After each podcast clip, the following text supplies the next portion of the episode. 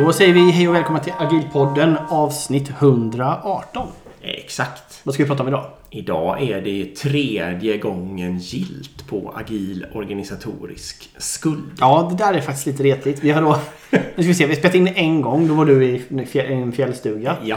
Och Dicks dator eh, blev varm och Ja. en fläkt gick på och vi hörde inte det. Så i inspelningen så låter det liksom... Ja, jobbigt mycket. De ljudfilerna finns ju om ni är nyfikna. Eh, och jag satt ju med kåpor över öronen, alltså sådana bra hörlurar. Och Mm. därför liksom, Ja, exakt. Och sen så och tänkte vi okej, det gör ingenting. Sen var vi på Agila Åland Ja, och föreläste för eh, en publik liksom. exakt.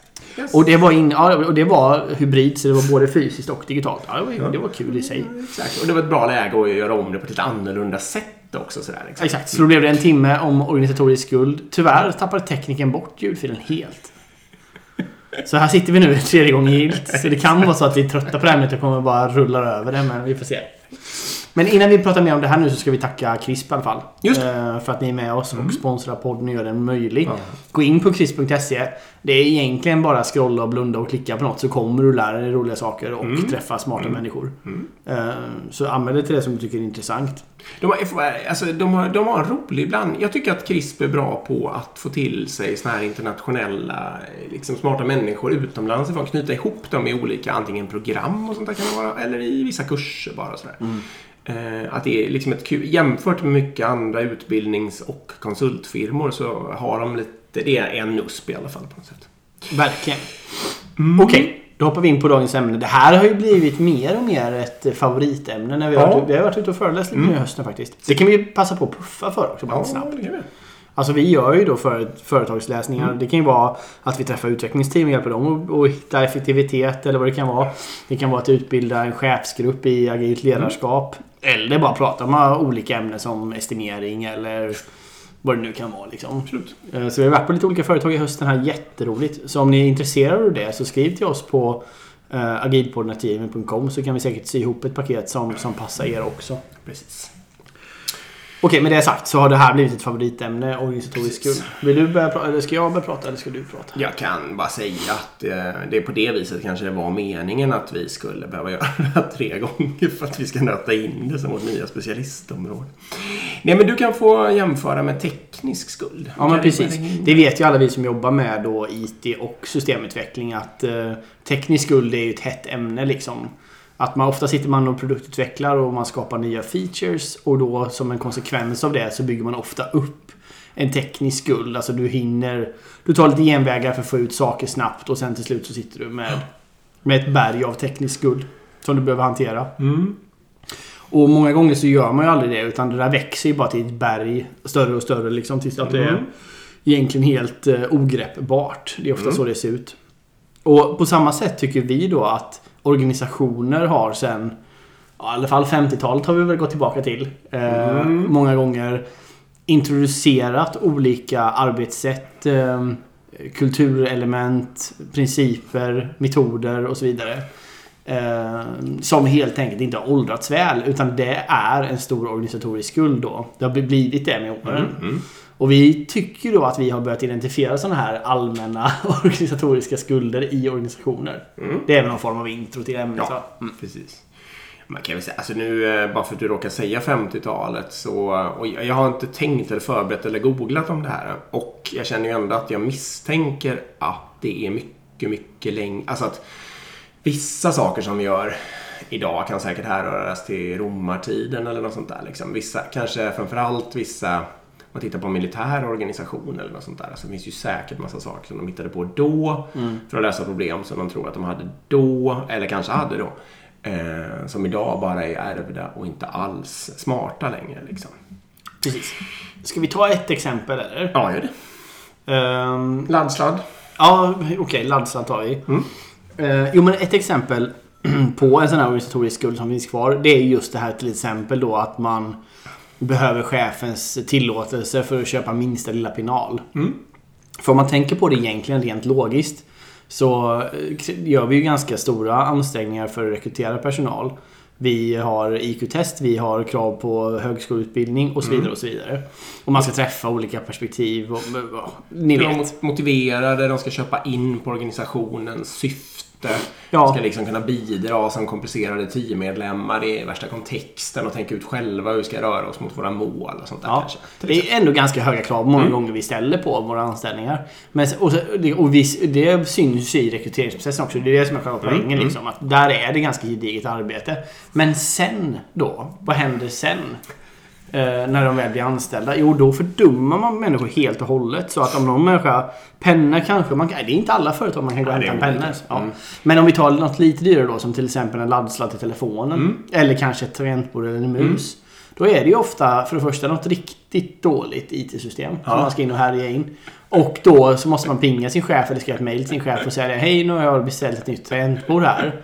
Och då måste du ange anledning då liksom. Ja, Ja. för det gamla var sönder då. Eller vad det kan vara. Eh, och då ska chefen godkänna det. Och det är helt sinnessjukt ologiskt att vi håller på med det. Det kanske var smart en gång i tiden när man hade inget kunskapsarbete och folk utnyttjade arbetsplatsen till största möjliga mån och snodde saker. Men på en, en kunskapsarbetsplats idag så finns det ingen som helst logik att behålla ett sånt system. Nej, nej, nej, jag håller med. Och det, det, är ett, det är ett ex- exempel på en sån här organisatorisk skuld. Vi kommer komma in på det vi mer mass- sen. Vi har massa exempel. Massor Ja. exempel. Men ska inte du ta lite eh, historiken först eller? I, ja, först, först kanske jag ska till och med säga att jag... Alltså, det här är ju det är mycket terminologi och man kan tänka på olika sätt kring det här. Och jag tycker att det här är ett... ehm, vad ska man säga? Många sådana här saker som är organisatorisk skuld idag skulle man med sunt förnuft uppfatta som så att säga dumma saker. Alltså de är ointu- äh, intuitivt så är det dumma saker. Och det är ofta det liksom om man tittar. Det bidrar inte till organisationens lönsamhet eller trivsel eller, eller liksom. Det är varken bra för ägarna eller de anställda eller kunderna så att säga. Eh, och då kan man fundera på varför det blir så. För många människor som jobbar i en modern organisation är ju ändå inriktade på att göra saker som är bra för ägarna eh, och för att de själva ska ha det kul och för eh, kunderna så att säga. Och då är i alla fall min förklaring är att det breder ju ofta ut sig en slags organisatorisk dumhet i organisationer. Och, och, det- alltså, och det betyder ju då, i, med min terminologi i alla fall, att människor i grupp kan tendera att göra dumma saker. Människor i grupp som dessutom ärver en... De tittar på hur någon har gjort någonting innan. De kan tendera på att upprepa dumheter liksom. Eh, och då skulle min psykologiska förklaring till det där skulle ju då vara att människan har en ganska stark inneboende drivkraft att vara kvar i flocken. Som, som lite härrör då från savannlivet. För att om man blev utesluten i flocken då så dog man ju troligtvis. Så det var väldigt viktigt att smälta in på tillräckligt hög nivå för att få vara kvar. Och då spelar det ju roll om man gör som, liksom, alltså inte alltid exakt som alla andra, men att man ändå gör sådana beteenden som de andra tycker liksom passar in är okej. Och på grund av det, den reflexen då som kanske finns kvar så här äh, massa tiotusentals år senare, eller något tiotusentals år senare, eh, så uppfattar åtminstone jag då att människor i grupp som har, liksom har sett vad, några, vad resten av gruppen kanske gör idag och framförallt vad de gjorde igår. De tenderar att göra sådana här saker. Även om de kanske mera vad ska man säga, om de fick det liksom på universitetet i textform fick en fråga liksom så här fundera över om det här är ett bra scenario. Liksom, så fick de hela sin organisation beskriven för sig, eller inte hela, men någon, någon aspekt av organisationen beskriven i text och så skulle de svara liksom i tentamensform så här, vad är det för bra och dåligt med det. Då skulle de hur lätt som helst kunna säga att det är orimligt att den här laddsladden ska behöva beställas i ett IT-system. Att man ska behöva skriva motivationsrad till chefen. Eh, för kostnaden för det är så här så här hög Exakt. och personen blir omotiverad och allt vad det nu är. Det är 0,001% av omsättningen på företaget. Och sånt där. Men när de kommer där och bara sitter där och ser att alla de andra gör så. Då uppstår det här att man tenderar att inte ifrågasätta det. Bara just, tror jag då, för att man är van liksom att eh, smälta in och vilja vara där. Eh, det yttersta exemplet på det här tycker jag är ehm, att det är större risk att bli innebränd om man är flera människor i en lokal när röken börjar komma. Eh, för att då börjar alla titta vad de andra gör. Och i och med att i det ögonblicket när alla börjar titta så är det ju ingen som springer så att säga. Och därför så när alla tittar så ser de massa andra människor som inte springer. Och då tänker de att det verkar lite mer rimligt att inte springa. Om de är helt själva så springer de direkt för de är tvungna att fatta beslutet Mm. själva. Liksom. Nej men absolut. Det, det, det finns ju absolut någon sån effekt på det. Ehm, ja, och jag, jag tycker också om vi går in... Ett annat favoritexempel för mig är ju tidrapportering. Mm. Att det, det är också helt sinnessjukt dumt att hålla på med i en organisation. Speciellt om... Alltså jag kan förstå om du sitter i ett konsultbolag och du fortfarande har en affärsmodell där du säljer timmar till kunder. Mm. Då kan det ändå finnas en mer rimlighet. Men så som organisationen håller på med någon form av intern debiteringsgrej och man ska sitta och, Mm. och tidrapportera. Det, det, är bara dumt. Det skapar inget värde för kunden, det skapar inget värde för aktieägarna och det skapar inget värde för medarbetarna. Så det, det är dumt rakt igenom. Det är min starka slutsats. Ehm, men det dumma är ju då att om det är liksom... För men jag har jobbat i den här organisationen och det har ju du också där det, där det här pågår. Och det konstiga är ju liksom att det är ju väldigt, väldigt få människor som, som vågar ställa sig upp och säga att det här är ju... Ja. Varför håller vi på med det här? Nej. Utan, i, utan det värsta är att det- det som folk då tar till grepp är att nej, vi behöver nog köpa ett, ytterligare, ett annat system. Ja. Liksom. Och det kan folk gå igång på så Ja. fruktansvärt. Bara, ja, ja, ja, ja, ja, det är klart vi ska ha ett annat system. Tänk om vi kan få det här och det här. Och, och så lägger man ner då massor med kraft och energi på att liksom köpa ett nytt tidsrapporteringssystem och sen ska du rulla ut det. Alltså det är vansinnig waste alltså. Måste man ändå säga. Ja. Just det. Du frågar ju efter historielektioner också. Ja, bra. Eh, menar, så nu är vi mera i det här 50-talsgrejen då, eller 1900-talsgrejen i alla fall. Om ni tänker er, vad kommer, inte allt, men en del av den organisatoriska skulden som vi har idag. Då skulle jag säga att, eller vi kan faktiskt, men jag börjar med 1900-talet. Då skulle jag säga så här att på 1900-talet då när man skulle skapa stora företag, kanske tidigare också, så mycket då så tänkte man sig så här att ehm, vi behöver nog ha en forskning och utvecklingsavdelning, vi behöver ha någon slags säljavdelning, det kanske är bra en inköpsavdelning som blir jätteduktiga på att pressa priser. Och sen så organiserade man sig på det sättet och så försökte man att samarbeta då tvärfunktionellt för att få ut någon slags säljbart värde. Och i dåtidens konkurrenssituation och så vidare, om man blev duktig på det här så kunde man ju kanske vinna då på den marknaden och, och göra det och sådär. Och det kanske löste en del sådana problem som, som fanns då liksom.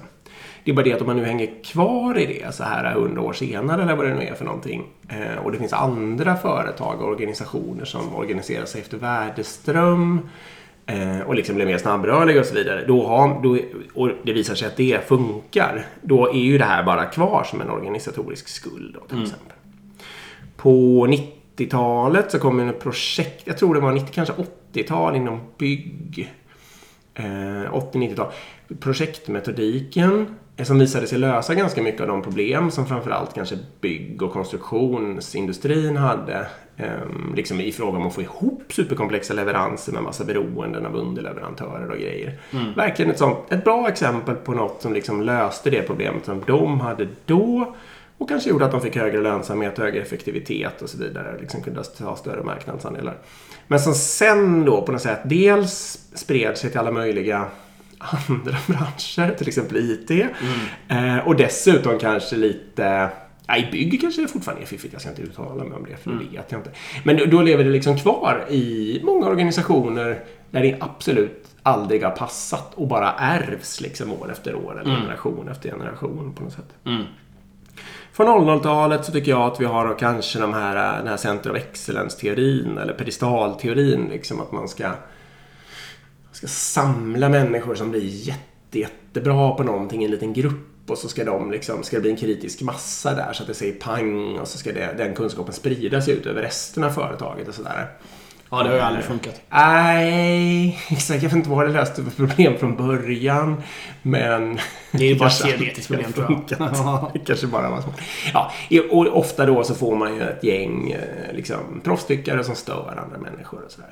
Och det är också en Väldigt sak långt som... ifrån verkligheten och verksamheten och sånt. Jag menar inom agilsfären nu för tiden så heter det ju åtminstone i det här kända skalningsramverket så pratar man ju om eh, Lean Agile Center of Excellence. Eh, som ska vara då ett sånt ett gäng liksom sådana som ska sitta och tänka ut metoden åt alla andra till exempel. Eh, troligtvis sällan särskilt eh, verkningsfullt. Liksom. Eller du skulle väl säga. Något hårdare antagligen. Ja, nej, jag kan, vi, kan, vi behöver inte vara stenhårda heller. Nej, det är sällan lyckosamt. Um, alltså det är ju det, det, är det här, alltså den här är jag ju med om hela tiden. Uh, som jag hör från uh, folk liksom. Det är ju bara att, jo men vi har ju, vi, vi äger ju den här tjänsten eller det här systemet. Men vi skulle ju vilja innovera, så vi tänker att vi delar teamet på två. Så gör vi ett team som får ta det här gamla maintenance-biten liksom och så får de underhålla den. Mm. Och så skapar vi ett nytt team som bara kan mm. göra nya saker och göra roliga saker. Ja. Och sen när de då är lite klara med dem så kan de ju skeppa över. Alltså, det är så lätt att gå i den där fällan. Och det är så dumt. Det blir ju aldrig, aldrig, aldrig... Om ni har ett sånt exempel, ring mig. För det vill jag komma och titta på. För jag har aldrig sett att det funkar. Och det är samma sak med Center of Excellence. Det är precis samma fälla. Men tänk om vi skulle ta alla smarta människor och sätta i en liten grupp och så kan de sitta och mysa. Ja, det blir ju inte så bra liksom. Man kan inte driva förändring på det sättet. Det funkar inte. Mm. Den här förvaltningsgrejen tycker jag ju att jag har sett lyckade exempel om man tänker sig eh, eh, att saker är riktigt sent i livscykeln. Så förändringstakten har gått ner till eh, jättelåg. Eh, då kanske man kan lämna över till något annat gäng. Liksom. Eller, eller alltså, då kanske den här outsourcing-grejen kan funka. Att man lägger det utanför företaget. Ja, det är ju ja. en helt annan sak också. Ja, precis. Mm. Eh, ja, men ofta används det ju som outsourcing. Alltså, um, I teorin är det ju ofta att man ska ha det egna gänget som innoverar ja. och sen ska man outsourca det sekunden efter själva driften för då är det ju ändå klart. Liksom. Ja, just det. Mm. Ja, det är dumt. Ja, det är dumt. Den här förändringen. För att jag menar, när man, när man tyckte det här klar inom fnuttar, då är det, har man ju kanske, jag vet inte, på en alltså, livscykel, alltså, kanske klarat av eh, av den förändrande livscykeln har man kanske gjort en fjärdedel eller något sånt där. Och sen ska man hålla på tre gånger längre mm. tid och göra massa andra smarta förändringar för att få det att funka riktigt bra liksom, mm. innan det börjar mogna. Um, ja, ska vi fortsätta? Jag funderar på en historiegrej till. Nu ändrar jag på ordningen jämfört med vad jag hade tänkt här. Men jag tänker mm. på den här XY-teorin är väl också en eh, det är ju från 60-talet så var det någon gubbe som jag inte kommer ihåg vad han heter som skapade XY-teorin. Och eh, det, det, handlar om människosyn. Och då kan, tycker jag att man kan säga att eh, man kan härleda liksom att mycket organisatorisk skuld kommer från att man får den här människosynen, att, man, att den är gammaldags helt mm. enkelt. Um, och då är X är ju människor som är um, alltså, vad heter det? Eller, lata, omotiverade och behöver yttre motivation för att uh, genomföra sitt arbete. När jag föreläser om det här så brukar jag säga galärslavar. Det är alltså, man kan ha det synsättet på människor. Exakt, man kan ha det synsättet. Mm. Och i fallet med galärslavar är det väl dessutom sant kanske den, alltså, eller hur man vill uttrycka saken, i den kontexten och det systemet när de är ofria och så vidare. Då blir det ju, krävs det yttre motivation för att, för att genomföra arbetet. Men man kan ju säga att eh, samtida med galärslavar så kanske man hade eh, vikingar till exempel som också rodde båtar. Eh, som antagligen inte eh, behövde yttre motivation utan som hade inre motivation för, alltså, som grupp. Liksom, för att mm. iväg och göra saker. Ja, i alla fall. Y-teorin då istället, eller mm, Y-människor är ju då istället att man ser människor som att de har en inre motivation, ett driv och en vilja att göra bra saker om bara systemet och de kringliggande miljöfaktorerna tillåter det, så att säga. Mm. Och man kan säga att den det här med, att, med liksom ledarskap och hierarki och chefer och hela det där asket som kanske då är flera tusen år gammalt. Det kommer ju lite av den här X. Att man ser på människor som X. Att man behöver piska dem lite för att det ska, att det ska bli något. Liksom.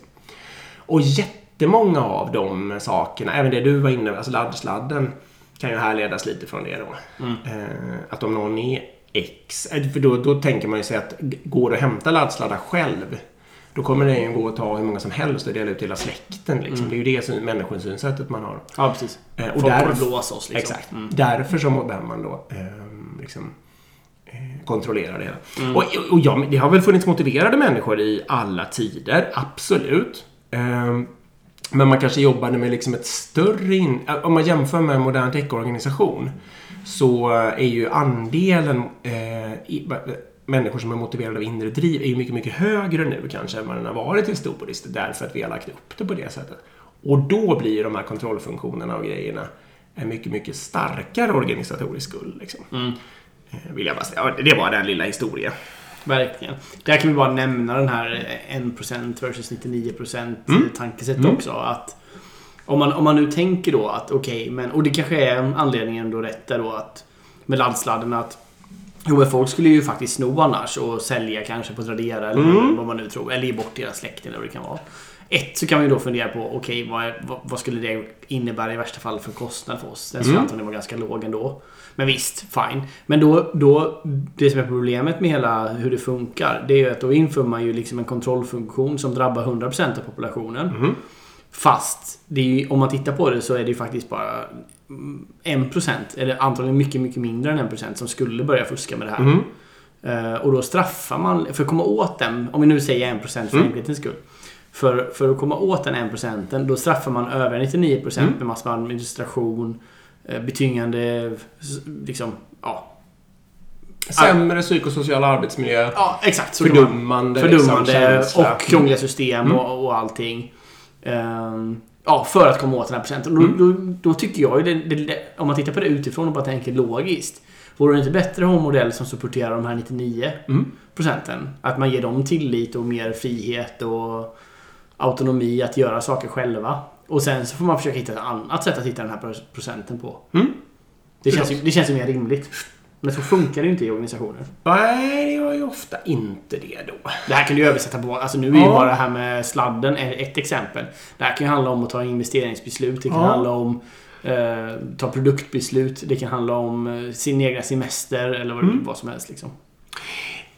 Ja, men jag tycker ju, skulle sägas dock, att ehm, jag skulle ju inte ha ett företag med 10 000 anställda där alla kunde teckna firma på hela kassan liksom, för hela företaget. Alltså bara sno alla pengarna och flytta dem till ett nummerkonto i Schweiz i vilket ögonblick som helst. Så jag menar, det är inte så att, eh, att man inte kanske ska ha någon kontrollfunktion eller, eller liksom så här, eh, på några belopp alls. Utan det kan väl vara okej. liksom. Eller att man, det behöver inte heller, måste ju inte vara man till chefer och så, men då kan man ju föra in det momentet att det ska vara flera liksom, så att säga. Eh, som ska vara överens samtidigt och sådana där saker och ha sådana processer. Och det är väl okej liksom, för att få... Ja, ja, här, ju större beslut, desto mer sånt här är okej. Ja, det, verkligen. det, liksom den här skuldgrejen är ju framförallt just när man vill komma åt alltså sådana saker som på riktigt inte är några kostnader överhuvudtaget. Men bara för att någon någon gång i tiden har tyckt att rätt ska vara rätt. Mm. Eh, och att man ska sätta dit de här då som eventuellt Ja, men fuska. Mm. Eh, nu har vi touchat på en massa exempel. Du sa väl godkänna semester? Va? Ja, just det. Det, det måste slå ett slag för den. Ja, gör du det? För det är alltid roligt att höra dig. Ja, för, för Det, det är så vanligt då att chefen ska då på vårkanten kräva in när alla ska ha semester på gruppen. Ja. Och då kan det ju finnas komplexitet att ja, vi måste alltid ha en person här eller två personer här eller vad det nu Det kan ju finnas sådana saker. Och då ska chefen sitta... Men vänta en sekund där bara. Ja. Jag skulle vilja säga att det kan vara så att de här, för ofta är det de här cheferna som uppfattar att de ska behöva tänka ut Mm. det här om det behöver vara någon där eller inte. Och då tänker de ofta ut sådana ganska, eh, vad ska man säga, rough sådana liksom ganska eh, grova system liksom Mm. för, för det där. Till exempel att det måste alltid vara någon här på kontoret. Här. Mm, Fortsätt. Ja, men precis. Men eh, oberoende av det så skickar man till chefen och sen ska chefen sitta och pussla ihop det här då. Och liksom kanske sitta och... Det är ju mycket jobb liksom och så ska folk kompromissa lite hit och dit och bla bla bla. Och sen så säger man ja men nu är det klart, nu har alla fått sin semester godkänd. Och sen Ja. går det ju tre veckor och sen har ju Lisa bokat om sin Spanienresa Ja. på grund av någonting. Och då ska Ja. det liksom krånglas och sådär. Och du och jag har ju testat det här på riktigt. Ja. Alltså, släpp det fritt bara. Jaha. Bry dig inte som chef. Släpp det helt fritt. Och sen så kan du istället säga som en, en... eh, Om du nu vill ha någon kontroll över det. Så kan du ju bara säga det att jag förväntar mig att få se resultatet vid ett visst datum. Eller eh, jag finns här och om, om ni känner att det blir dumt på något sätt så finns jag här och hjälper och kan reda ut saker. Men 10 gånger av 10, det- de löser det så bra och så Ja. enkelt. Ja, men det, ni får ju tänka här återigen. Ni anställer ju massor med smarta människor. Ja. Och ni, ni vågar inte ge dem arbetsuppgiften att de kan ta semester när de vill och att de ska lösa det är ju ett väldigt enkelt problem. Jag menar, mer eller mindre skulle min son kunna sitta med en Excel-fil och räkna ut det där liksom. Så jag menar, varför inte lägga ner det på sin personal? Helt vansinnigt att göra något annat. Eriksson är alltså sex år gammal. Ja, det kanske var en överdrift. Eh, Ja, Men- men, men- men många skulle något kunna av klara mina barn skulle nog Ja, göra det dina barn skulle- De är alltså 9, 10 och 13. Exakt, dina barn fixar det. Och um, nu glömde du säga också då det här att, för det kan bli maktspel också och då kan det komma människor och spela föräldraledighetskortet. Uh, så att om, Klassiker. Eh, exakt, så att om chefen då inte, alltså är, om, om människor uppfattar att chefen är rövig uh, och ska tvinga dem mm. då de sitter med föräldraledighet, då kan de komma och spela det och säga, ja men då tar jag föräldraledighet. För då har de ju laglig rätt. Precis, då tar man den veckan innan och veckan efter ja. sin lagda semester. Så ja. det kan man inte göra ett skit liksom. Exakt.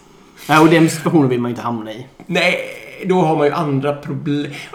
Precis, jag ska säga det också mm. att på många av de här frågorna så är det ju så också, och det här tycker jag är jätte, jättekonstigt. För ponera att man har det här kontrollsystemet och sådär.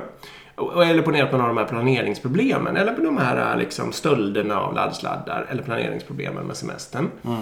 Och sen så funkar inte det ordentligt. Och då försöker man att tajta till kontrollen för att det ska funka bättre. Och då har man liksom i mina ögon inte allt ställt sig frågan vad har jag egentligen för problem som gör att det blir så här? För att om man liksom har fått in massa människor som stjäl laddsladdar, är det då troligt att de skriver supersmart kod? Ja, eller gör andra exakt. saker som är bra för företaget. Mm. Exakt, eller vad de, nu är anställda för. Ja. Eh, nej, det är det kanske inte då. Eller om man har människor som är liksom jätteogina mot varandra i ett semesterplaneringsläge. Mm eh, och håller på att maktspela med sin föräldraledighet. Är det då troligt att de är, liksom, är Så då kanske man, om man på riktigt har sådana problem, så måste man kanske snarare se över hur man rekryterar människor och vad de har för drivkraft och motivation och vad de vill i organisationen och alla sådana där saker. Vi brukar ju säga det lite skämtsamt att om du har de här problemen, att folk eh, snor de här grejerna och så mm. vidare. Och då är det rekryteringsavdelningen du behöver gå på. Mm, exakt. Och det, och det, finns ju en sanning i det. Mm. Liksom, att varför lockar du till dig den här typen av människor? Gör fem varför på det istället ja. för på att införa mer kontrollsystem. Mm. Det är en väldigt rimlig poäng. Jag fick ju den frågan då på um, till exempel när jag skulle experimentera med Creative Fridays. Då var det att man uh, skulle få prova, man fick göra vad man ville. Människor i min organisation. Mm. Och då var det ju någon chefskollega eller kanske till och med min chef som frågade så här, vad gör de? om Alla går ut och lägger sig på gräsmattan och solar då liksom. Och då kände jag just då att eh, dels eh, svaret på min fråga var att eh, då får de göra det.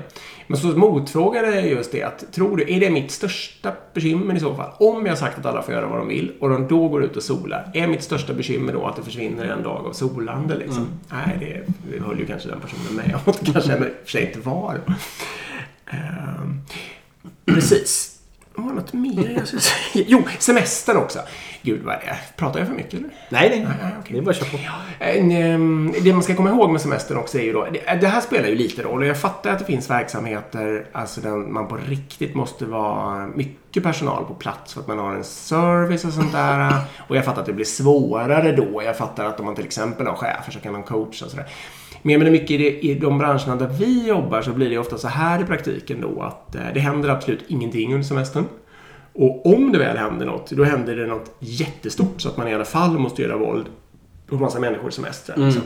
Så den teoretiska tryggheten att se till på det här schemat att det alltid ska vara någon där. Den är ju bara någon form av sån här äh, hålla sig-grej som egentligen inte har någon praktisk betydelse. Nej. Och om människor får göra det själva, då blir det, kommer det dyka upp massa lösningar i stil med så här att Ja, men det händer ju aldrig något med vårt system. Om det gör det så tar jag med mig datorn till sommarstugan och jag kan ha min mobil igång och det är okej, okay, jag går in och fixar det i så fall. Liksom. Mm. Eh, och då kan man ju tycka att det är synd att den ska behöva göra det på ett sätt. Å andra sidan då så löser den ju hela situationen för teamet och folk kan vara lediga när de vill och den tycker själv att det är helt okej. Okay, liksom. mm. eh, så det är där någonstans tycker jag att en sån här ingen semesterplanering eller fri semesterplanering. Den slutar ju ofta i sådana lösningar som alla gillar. Ja. Istället för en lösning som typ ingen gillar. Nej, exakt. Nej, verkligen. håller, helt, håller helt med dig. Um, Har vi mer exempel? Ja. Vad ska vi ta för någonting? Kan vi väl ta lönesamtal till exempel? Ja, men precis. Utvecklingssamtal. Den har vi, ja, pratat, utvecklingssamtal. Den har vi pratat om delvis innan också. Mm. Men uh, om man tittar på hur uh, om hur det har utvecklats baserat på din historia här med 50-talet och framåt. Då, då kan man ju säga att det är fortfarande ganska eh, ineffektivt att vi har kvar eh, upplägget där man har utvecklingssamtal med sin chef och sen har man det som ett hemligt avtal mellan anställd och mm, chef. Mm. För man jobbar teambaserat och teamet behöver ju veta vad du har för utvecklingsplaner för att kunna hjälpa dig att nå de målen. Chefen är ju ofta inte liksom, kan ju inte sitta och påverka det på en dag-till-dag basis liksom. Nej. Kanske kan hjälpa personer att få en utbildning eller prata med rätt person på något enstaka tillfälle men eh, medarbetarna behöver ju själva dela, dela sina utvecklingsplaner. Och ofta när jag säger det här till utvecklingsteam eller chefer för den delen Mm. så tycker alla så här, åh gud, det är ju en smart idé. Varför gör vi inte det? Mm. Ja, just det. Varför gör ni inte det? Eh, och det, det är precis en sån grej. Det är typiskt en sån här som vi kallar organisatorisk skuld då. Det är för att vi alltid har gjort så här. Ja. Vi sitter med de här mallarna och vi har alltid gjort så här och så bara fortsätter vi göra det. Och det är ganska få som frågasätter, är det här ett smart sätt att göra det på? Eller kan, finns det annorlunda sätt att göra det på? Eh, ja, så där borde man också, eller där har ju vi testat att innovera med, med eh, framgång. Jag skulle säga att det här är psykologin bara, eller jag skulle säga att det är två saker som gör att chefen ska ha utvecklingssamtal. För dels är själva XTY-teorin som sådan att chefen eh, ska kontrollera då liksom och kolla om man eh, når sina mål och sånt där. Att det bara är chefen som kan göra det. Och den kan ju. Men det är också någon slags konstig tanke om att chefen vet bäst. Mm. Och det skulle ju kunna vara sant i någon gammal, inte vet jag, om man hela tiden gör den bästa medarbetaren till chef till exempel så får man ju det. det liksom. Men om man gör den människan till chef som är bäst på ledarskap eh, så blir blir det helt plötsligt osannolikt att den också kan sak. Det, då är inte, det är troligtvis inte den bästa fullstack-utvecklaren. Det skulle kunna vara det, men det är troligtvis inte det. Till exempel.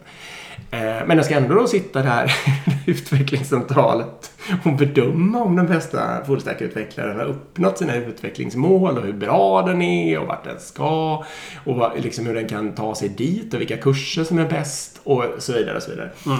Eh, vilket egentligen är en fullständigt orimlig tanke. Det är klart att den kanske kan ha en åsikt om det också, men det kan ju tänkas finnas med andra människor som är mycket bättre på att hjälpa den här, till exempel fullstack-utvecklaren med det. Då. Ja, verkligen. Nej, jag menar, jag tycker fortfarande att man som, som medarbetare och chef såklart ska prata om vad man vill vara på fem, fem års sikt, eller ett års sikt eller tre års sikt. Liksom. Så jag säger inte att man ska ta bort det nödvändigtvis, men det är bara att man måste ta bort det som ett hemligt kontrakt. Ja.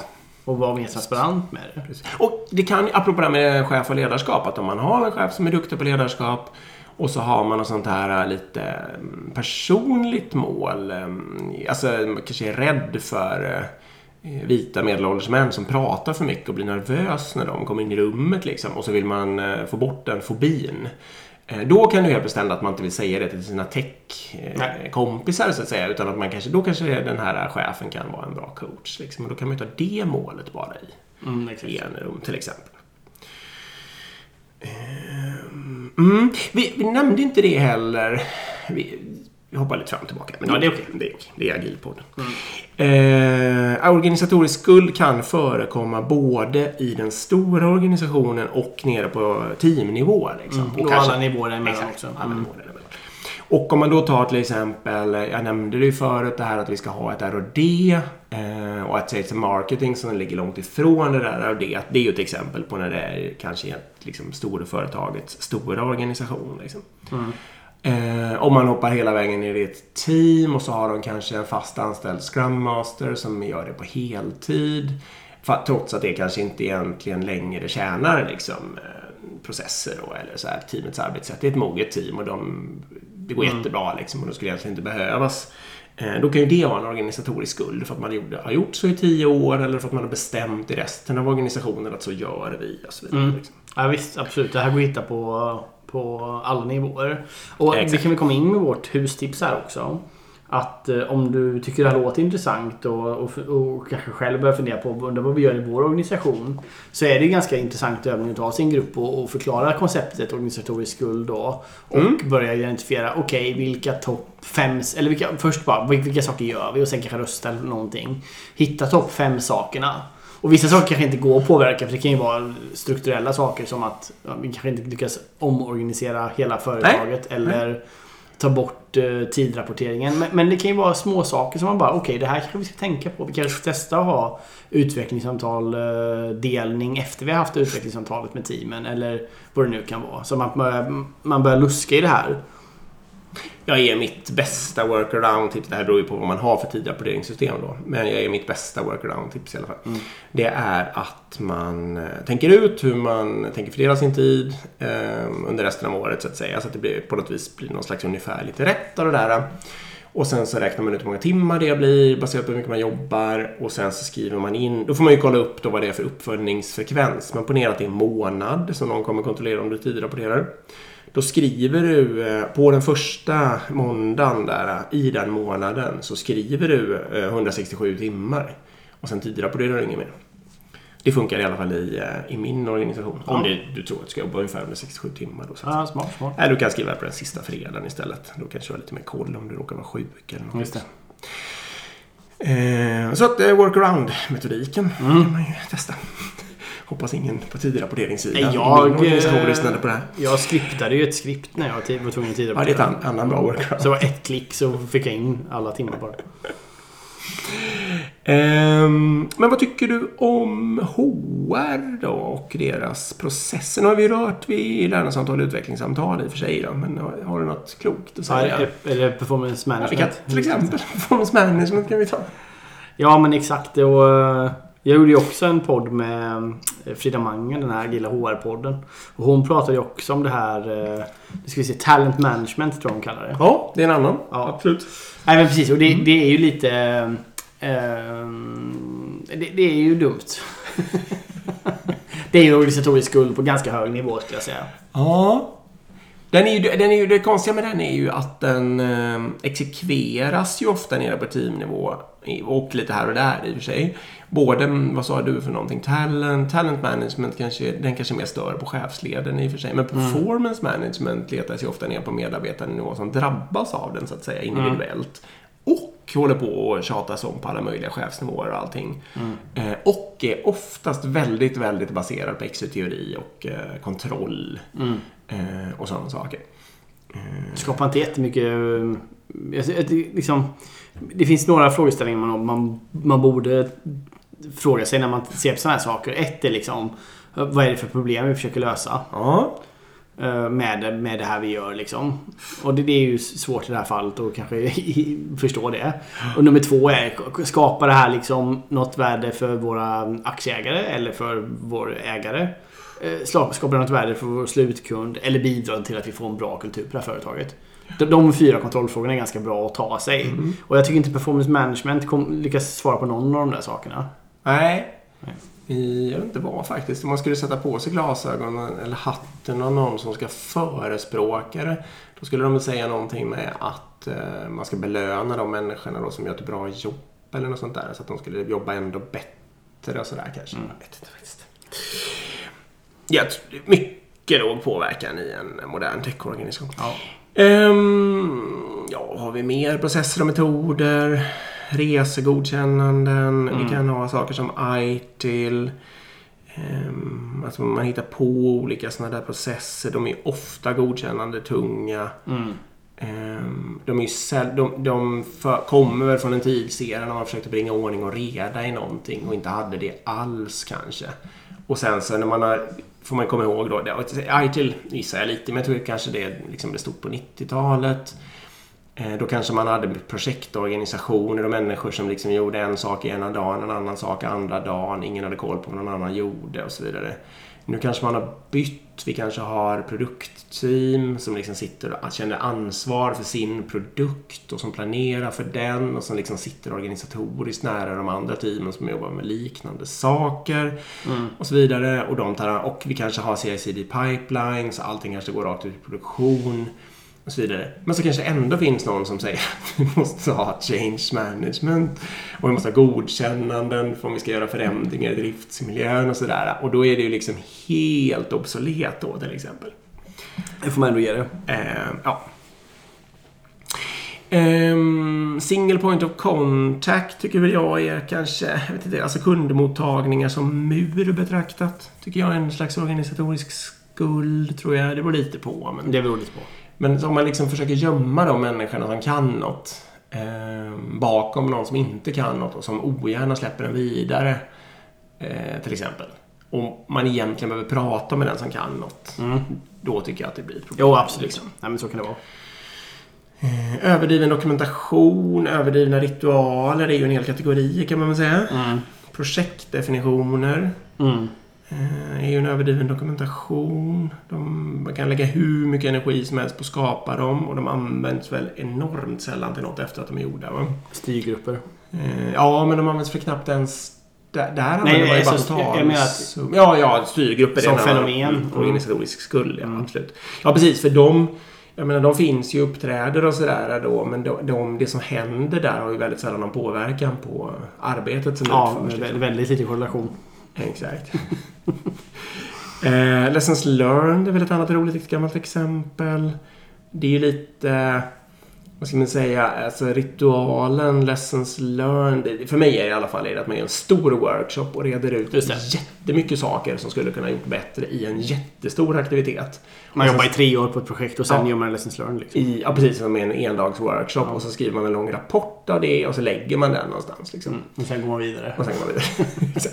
Och då har man ju kanske, ja, i bästa fall har man fått lite lärande bland de människorna, individerna som verkligen var på workshopen. De kanske har dragit lite, lite slutsatser. Eh, Men om man jämför det med ehm, om man gör retro varannan vecka till exempel och gör en förändring som leder till eh, liksom en 1% förbättring på den här stora aktiviteten varannan vecka i tre år. Eh, Då skulle ju den här Lessons Learn-workshopen skulle ju behöva ha en förbättringspotential då kanske. Jag vet inte, jag orkar inte räkna ut Nej, det men visst. på liksom 10 000 procent eller något sånt där för att den skulle eh, kunna slå en, en 1% förbättring varannan vecka. En iterativ approach. Ja. Ja, Nej, men absolut. Exakt. Ehm, förutom då att då behövs det ingen dokumentation och liksom ingenting sånt där. Riskanalyser är en sån där också. Och någon stor riskledger kanske. Står ganska, man ska samla alla risker, det är viktigt och sådär. Eh, också ganska liten, låg påverkansnivå på sånt som alltså det, den verkliga verksamheten. Ja, verkligen. Eh, ty- typisk sån här motgrej till det skulle ju kunna vara Netflix lösning med eh, eh, Chaos Monkey. Mm. man väl tänka. Att man ser risken att oj, oj, tänk om eh, vi, analyserar om det finns en risk att våran kärnprodukt här, ifall att, den, ifall att kvaliteten blir för dålig så att den går ner och vi kanske tappar marknadsandelar eller kunder eller någonting på det. Liksom. Eh, Då kan man hålla på och oja sig över det och planera för det på något sätt och, se, och fundera över hur farligt det är och massa sådana där saker. Mm, och prioritera risker Exakt. mot varandra. Mm, och precis. Hålla på. Ris- exakt. Risken att internet eh, si går ner eller att server sådär går Ja, ner. eller att tjänsten går ner Exakt, vad det nu kan vara för någonting. Eller också kan man göra en, skriva ett program som man kallar för Chaos Monkey. Helt fantastisk idé. Som, går, som lever på alla servrar i företaget och lite random blir stänger ner tjänster. Mm. Ehm, och då vet alla människor som jobbar där med utveckling att eh, vi måste klara Chaos Monkey för att han eller hon kommer komma här och stänga av vår tjänst också någon gång och då behöver det funka ändå. Så vad vi än bygger så måste det klara Chaos Monkey. Och så det härjar den där i driftsmiljön hela tiden. I produktion. Exakt. Och så har de ju skyhög uptime och troligtvis gör de inga riskanalyser. Nej men precis, då måste de bygga in redundans och veta att vad händer. Att de måste ta det perspektivet i hur de bygger. Så det är precis vad du säger. För det är det här vi är ute efter egentligen. Att vi vill ju liksom titta på vad skulle vara på andra sidan myntet. Okej, vi har tidrapportering. Vad skulle vi kunna göra istället? Ja. Liksom. Precis. Ehm, Det är precis det som är tanken med den här organisatoriska skulden. Att okej, hur kan vi liksom tänka nytt och göra något annorlunda för att inte fortsätta att bygga den här organisatoriska skulden. Att bryta trenden liksom och faktiskt börja bygga bort de här sakerna. Och då är ju den här Chaos Monkey ett jätte, jättebra exempel på hur man skulle kunna göra istället för att Mm. hålla på med riskanalyser eller eh, samla allt i Excel-ark och vad det Mm. kan vara. Precis, ett annat sådant här exempel som vi hittade ganska nyligen är ju Instagram. De har ett team som hela, hela tiden sitter och kollar på och AB-testar saker i produktion. De sitter och kollar hur mycket saker används helt enkelt. Vad händer om vi tar bort det här? Vad händer om vi tar bort det här? Och så vidare. Och, så, och då är deras jobb egentligen bara att om de hittar saker att men det här kunde vi inte se någon större påverkan på att det här försvann. Då tar de bort det helt enkelt. Och det är också helt fantastiskt sätt att tänka. Istället då för att sitta och ha någon central produktstyrning som bara ska sitta och proffstycka eller du ska ha programkontor eller projektkontor som ska sitta och styra och koordinera Ja. det här på något sätt liksom och bara Ja men tänk om inte det här blir bra och tänk om det, Du vet. Så bara ut med skiten, används inte så plockas det bort lite senare. Eh, Det är helt också det här, precis samma tankesätt som med Chaos Monkey. Att liksom, vad hittar vi på andra sidan myntet Ja. på något sätt? Och det är väl egentligen så vi skulle vilja att när, om ni identifierar era fem, topp fem nu då, organisatoriska skulder eller vad det kan vara, om det är topp 10, ni väljer själva. Titta, liksom försök att tänka på vad, okej, om vi skulle göra precis helt tvärtom. Vad skulle vi hitta för lösning då? Mm. Det är väl egentligen eh, en, en, en, kan bli en intressant eh, övning. Och då, precis, det ni söker då är ofta sådana iterativa, kontinuerliga lösningar som driver fram rätt beteende liksom i någon viss fråga. Eh, snarare än att det ska kontrolleras eller något sånt där. Om man, bara för att du har sagt tidrapportering nu sju gånger, så bara säga det att en typisk sån motsatt lösning till det är att om ni nu ändå har en produktorganisation, så varje team är knutet till någon viss produkt, då är ju inte tidrapporteringen, då är ju ingenting längre då. För då kan man ju bara kolla hur många människor som är i varje team så vet man ju vad det kostar och vad det nu man vill ut den där tidrapporteringen. Liksom. Eh, ha det på ett papper eller på vad du vill. eh, Om någon börjar och slutar och sådär kan man ju hålla ordning på dem. Men det är ju typ på den nivån som det skulle behövas. Liksom, till exempel. Jag ska bara säga det, en annan sån här just för resegodkännande. Mm. Det har vi hört, jag kommer inte ihåg vilket företag det var men, men skitsamma. Eh, Just att då mm, Istället för att man, man tog bort det helt och hållet men däremot så krävde man att varje team transparent visade på sina tavlor hur mycket man reste för. Det är smart. Och då blir det istället självstyrande Mm. att okej, vi kommer... För alla kommer ju då, om man nu tänker då på X här så kommer man tänka ja alla kommer resa för 7 miljoner om året var liksom. De kommer åka över hela världen och allting. Mm.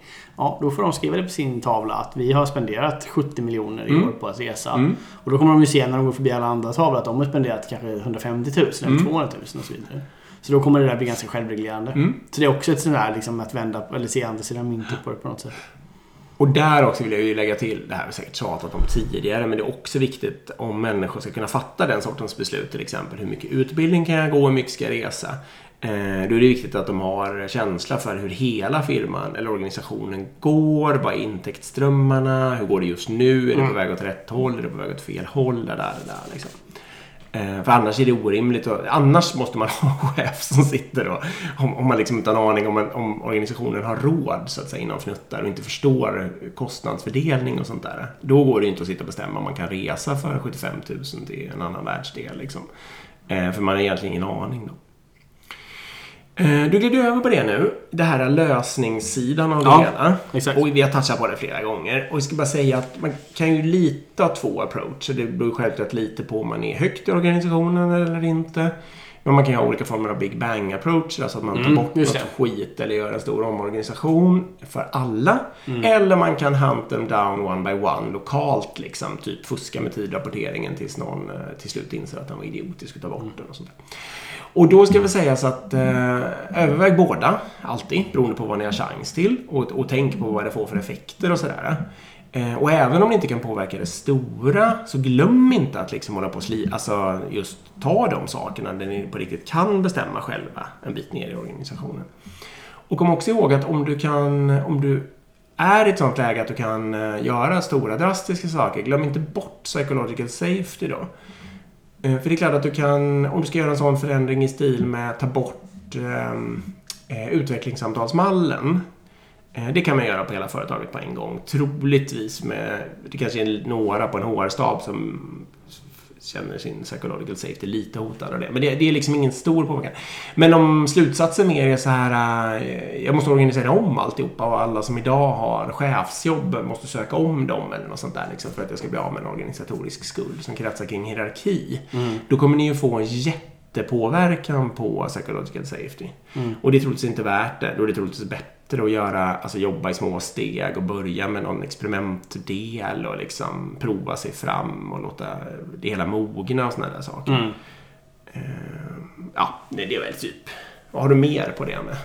Nej, men jag tror det, det, det, det låter sunt och bra. Eh, Men våga experimentera. Jag menar, jag tycker en sån här typiskt exempel. Jag kommer ihåg att vi fick den frågan när vi var på något, eh, när vi föreläste på något ställe.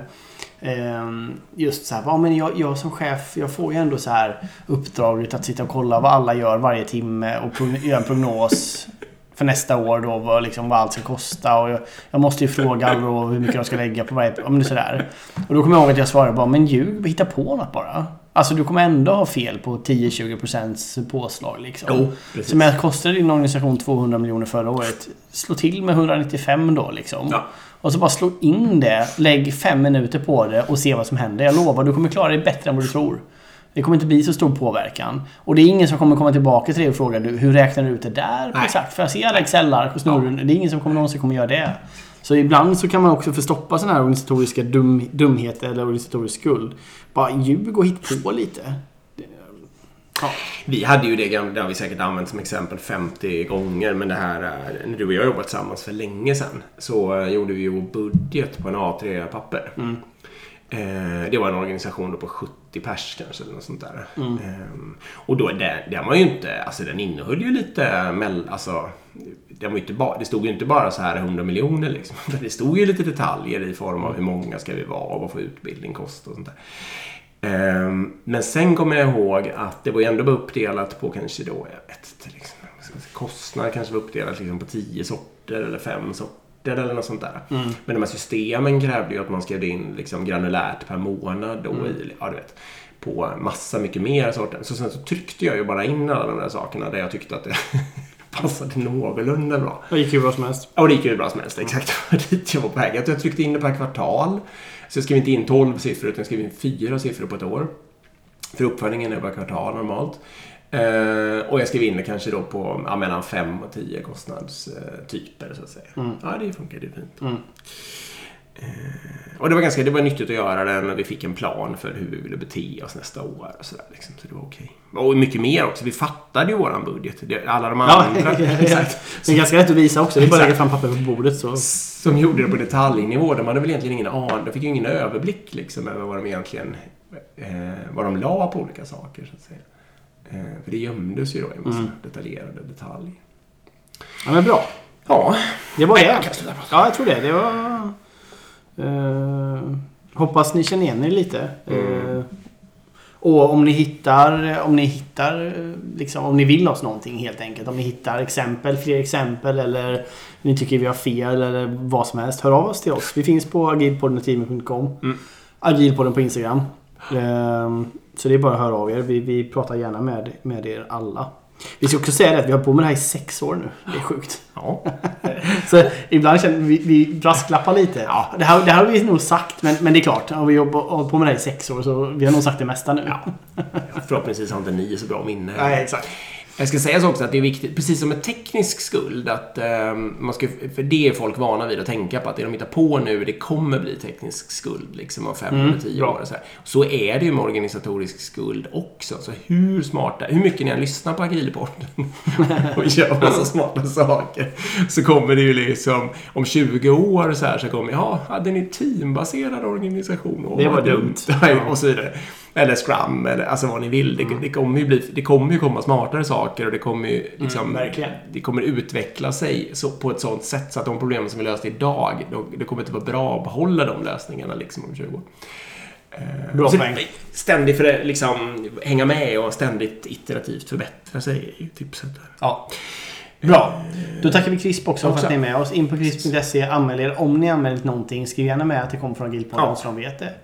Och så tackar vi för att ni lyssnade helt enkelt. Och om man vill oss något. Ja, jag sa det innan. Ja. Men jag kan säga igen lite snabbt. Agilpodden på Instagram, agilpodden.gmail.com. Ja, kanon. Tack för att ni lyssnade. Tack, tack. Hej. Hej.